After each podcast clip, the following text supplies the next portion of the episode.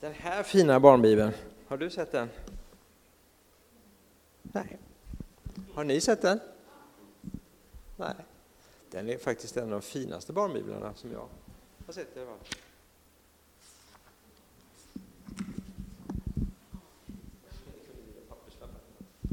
Det var inte för sent. Jairus, han satt vid sin dotters sjuka säng och höll hennes feberheta hand. För varje dag hade hon blivit allt sämre. Om bara Jesus hade varit kvar i Kafarnaum och tänkte Jairus och suckade. Flera veckor hade gått sedan Jesus hade lämnat stan. Och här ligger min flicka och kanske dör. Plötsligt hörde Jairus snabba steg ute på gatan. Det var ivriga röster som ropade Jesus är här igen! Jesus har precis gått i land. Han kom med Petrus i båten. Jairus hoppade upp och rusade ut ur huset. Det var kanske ändå inte för sent. Men det var bråttom. Alla verkar vara på väg åt samma håll. Jairus hade så svårt att ta sig fram för det var så mycket folk. Det var precis som när man springer i en mardröm. Ni vet, man, man springer och springer och man känner att man kommer inte ur fläcken. Till slut så kom man ändå fram till stranden. Anfodd så han bara kastade sig ner framför Jesus som i bön. Folket som stod intill sa förvånade till varandra, på det där sättet så bugar man sig ju bara inför Gud. Det borde väl han veta, han som är synagogsföreståndare. Vad ska hans vänner fariseerna säga om det? Jesus, hjälp mig, bad Jairus. Min lilla flicka håller på att dö. Jag kommer genast, svarade Jesus och hjälpte Jairus upp på sina fötter. Vi måste skynda oss, sa Jairus med gråten i halsen. De smala gatorna var packade med människor som väntade på Jesus. De trängde sig på så hårt att man kunde nästan inte andas. Och ingen ville släppa fram dem. Och när Jesus stannade för att bota en stackars kvinna som varit sjuk i tolv år, ja, då tog Jairus tålamod slut. Om du inte kommer nu på en gång så är det för sent, ropade han. Jairus var nära att bryta ihop när han såg en av sina tjänare komma springande genom trängseln. Han såg på minen på mannen vad det var han hade att säga. Din lilla flicka har just dött, sa tjänaren. Det, det är ingen idé att du besvärar Jesus längre. Ta det lugnt Jairus, sa Jesus snabbt. Lita bara på mig. Jesus brydde sig inte bara om de som var fattiga och de som var skojare och bedragare. Han brydde sig lika mycket om de som var rika och kända. När de närmade sig huset där Jairus bodde så hörde de ett förfärligt oväsen. Det var alla grannarna som grät högljutt och spelade sorgemusik med flöjt. Nu kan inte ens Jesus göra något, nu är hon död, klagade de. Jag har kommit för att väcka henne, sa Jesus. Grannarna skakade på huvudet åt honom. De visste ju att det var omöjligt. De övriga familjen och alla vänner var samlade i huset och de blängde anklagande på Jesus. För han hade ju kommit för sent. Jesus fortsatte in i det lilla sovrummet och stängde dörren. Bara Petrus, Jakob och Johannes och flickans föräldrar fick vara med och se vad som hände. Lilla vän, det är dags att vakna nu, sa Jesus. Han använde samma ord som Maria hade gjort när han var barn och väckt honom på morgnarna hemma i Nasaret. Och livet kom tillbaka in i flickans kropp. Och de bleka kinderna fick färg igen.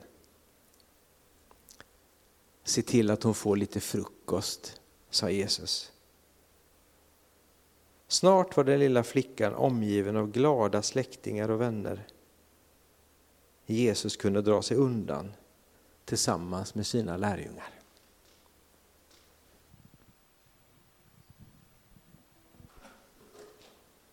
Vi ska använda den text som Janne läste i den här underbara barnbibeln. Om, Janne läste precis ifrån Lukas 8, 40-56, fast i en barnbibelversion. Eh, och vi kommer få nyckelversar om, eh, i, den, i, i den riktiga bibeln. Så, men du, du är säkert bekant med de här ställena. Och den här sången den passar så fint in, för det här handlar om desperation och längtan av att känna tro. Jag, var, jag och Janne var och tittade på filmen Jesus Revolution tillsammans med ganska många av er. Jag såg er allt där i, i biomörkret. Och en av de här nyckelscenerna i den filmen är när hippiepastorn, eh, kan man kalla honom för, säger till, den, till pastorn i en etablerad kyrka för, för hippiepastorn sa, mitt folk är desperata. De behöver Jesus. Vad är det som får dig desperat? Han sa det ganska anklagande, men det är också en sån fin fråga. Vad är det som får oss desperata? Vad är det som får oss att vi kan öppna dörren på vid gavel? lite likt Marie Fredriksson i sången som ni sjöng. Jag vill känna tro. Ge mig tro igen. Och det är där vi ska försöka se vad som vi kan få ut av de här verserna. Det är två stycken kvinnor vi möter. Och vi hade, när vi planerade den här nattvardsgudstjänsten så tänkte vi att vi ska bara prata om den lilla flickan. Men de här två kvinnornas berättelse, den hör så ihop. Det är märkligt så samman vävda de här berättelserna är. För det första så har vi lilla flickan, Jairus dotter. Hon fyller 12. Och hon har väl troligtvis varit frisk i hela sitt liv. I alla fall så vet vi inte någonting, någon sjukdomshistoria. Men nu är hon döende i en feber. Men sen så finns det också då en kvinna som har varit sjuk i 12 år. Flickan är i starten för puberteten och mens. Och den här kvinnan, hon har ju haft blödningar i tolv år som inte vill sluta. Men det finns skillnader. Flickan bor i ett ordnat hem med en pappa som är en aktad man i, i Kapernaum. Men kvinnan levde utstött.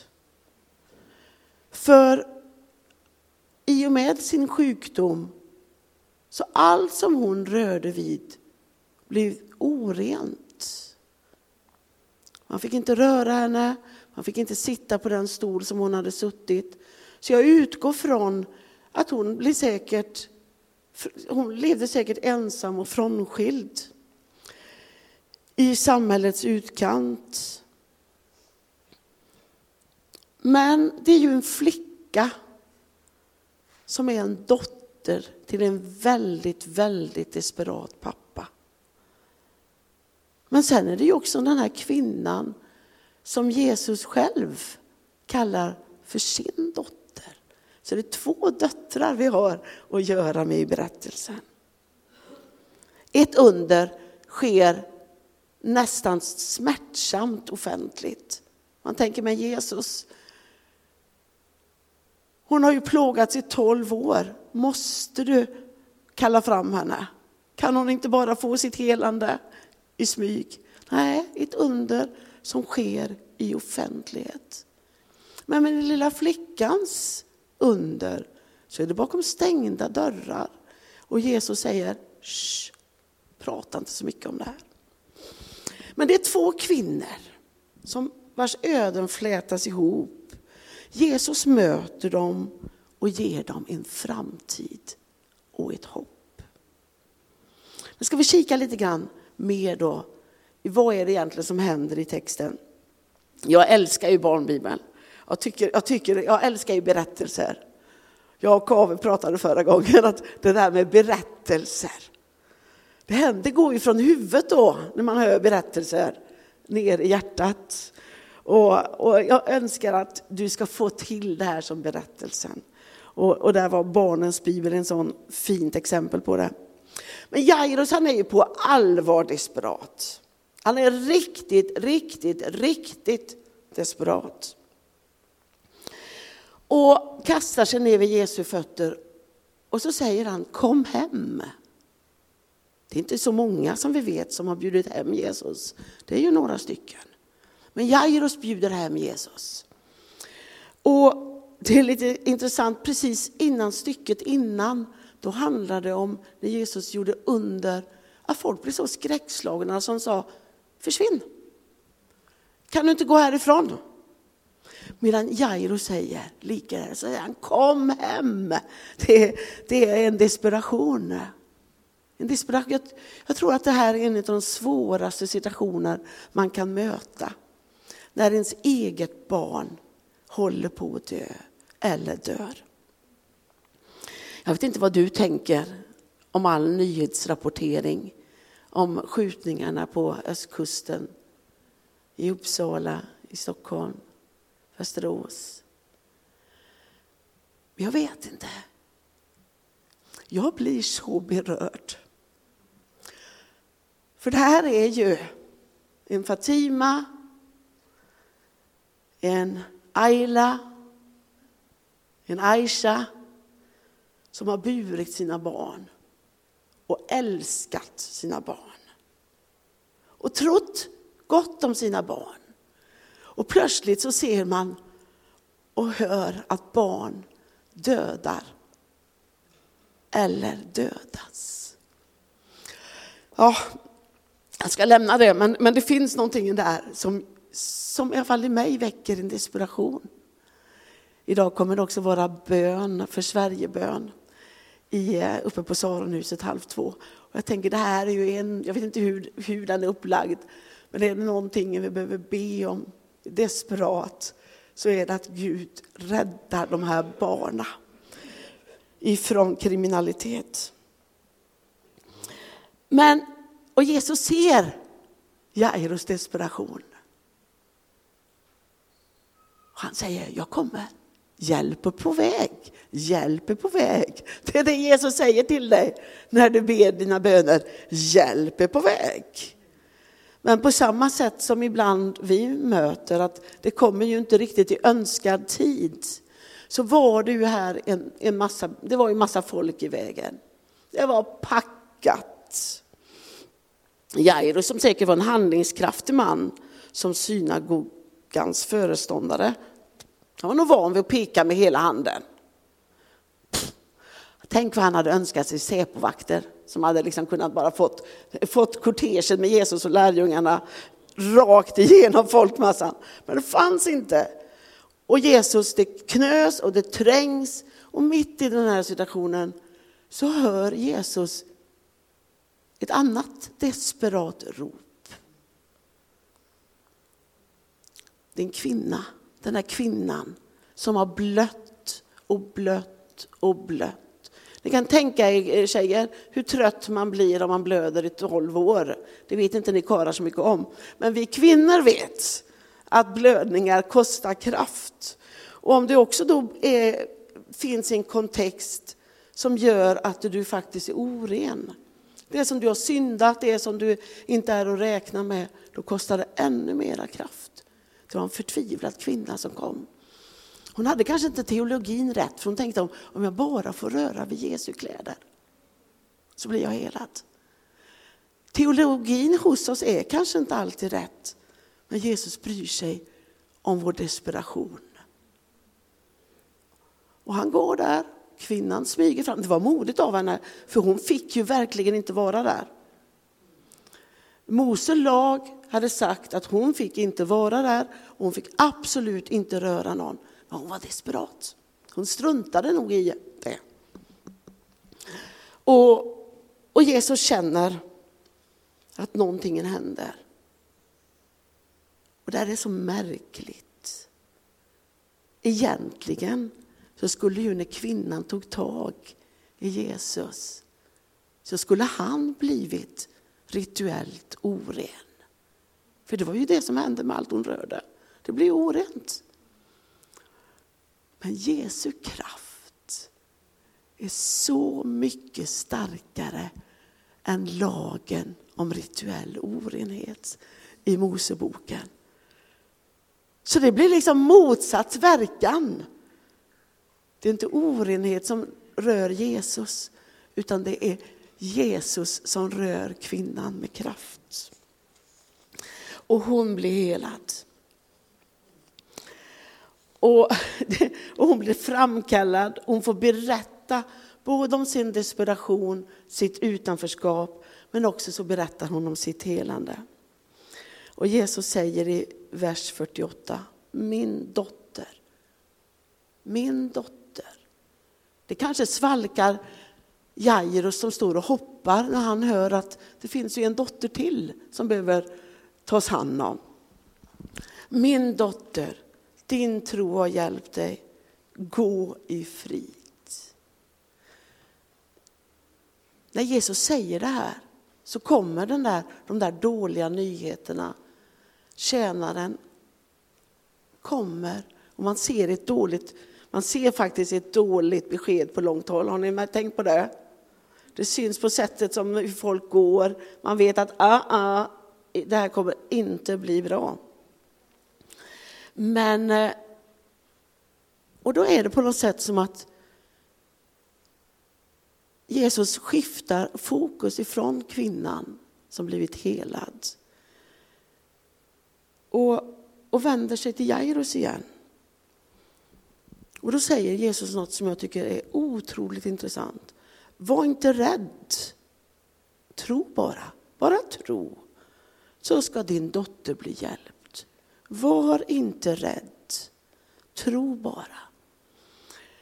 Här är det ju på något sätt som att det inte är tvivlet som Jesus säger är trons motsats i den här texten, utan det är rädsla. Rädslan gör någonting med oss. Rädslan fryser oss. Rädslan gör att vi inte kan sträcka oss efter hjälp. Medan i vår nöd, när vi vågar berätta vad vi brottas med i vår desperation, så är det mycket lättare att säga Kom hem till mig Jesus. Kom hem till mig. Och de fortsätter att gå. Och vid Jairus hus så finns det gråterskor. De, en del av, ganska många skulle jag tro var professionella. De grät för sin inkomst. Och så fanns det de som grät för att de sörjde flickan på riktigt. Och Jesus säger i vers 52, gråt inte. Hon är inte död, hon sover.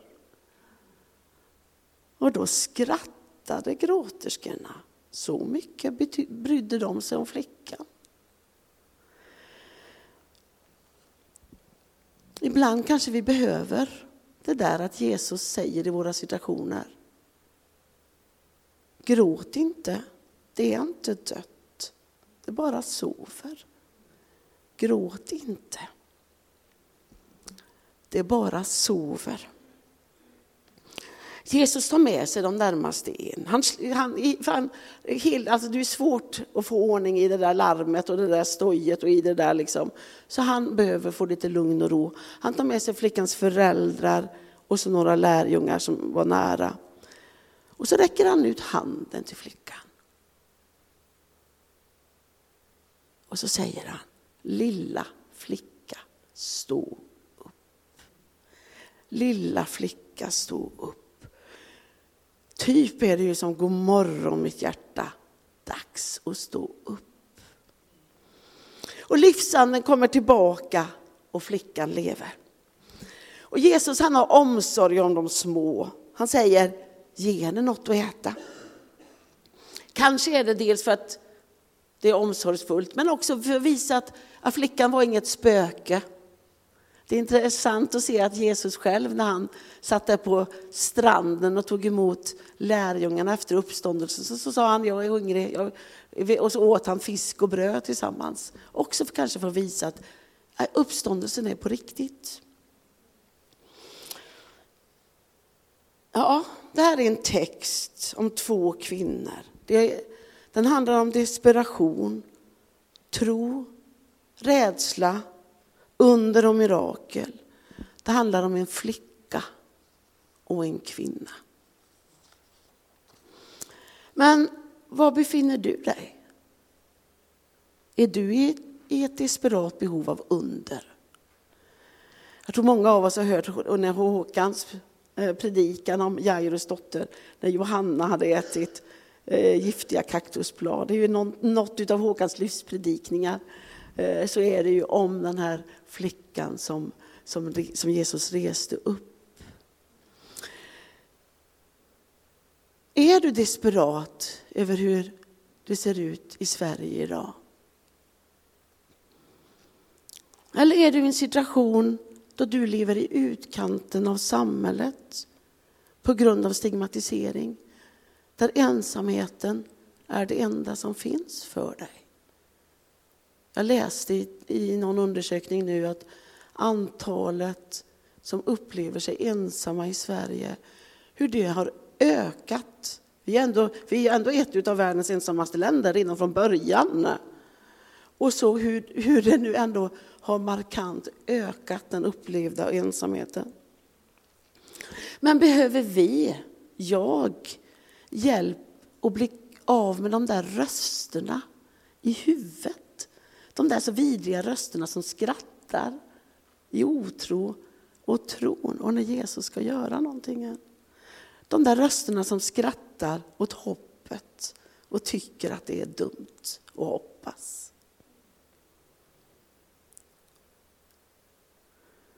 Är du förlamad av rädsla och behöver få känna tro igen?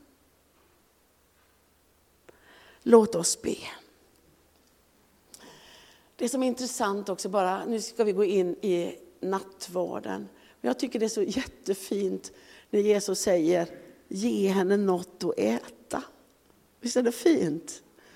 För jag tänker i nattvarden, då får vi del av Jesu blod och kropp. Och vi får, vi får bli mättade av hans kraft, av hans nåd, av hans kärlek. Men låt oss be. Ja, Herre, vi ber att du ska hjälpa oss att känna igen ditt handlande i vårt liv. Att vi får se din väg i det vi möter i livet. Hjälp oss med vår otro och tvivel. Och låt våra hjärtan vara öppna för att ta emot ditt ord, ditt liv och ditt handlande. Hjälp oss när vi möter sjukdom, död och lidande. Hjälp oss där vi låtit hoppet slockna eller dö. Hjälp oss när vi känner oss ensamma och rädda och rör vid oss, Herre. Ge oss av din tro, ge oss något av att äta. Hjälp oss med vår rädsla. Tack Herre att du hör vår bön.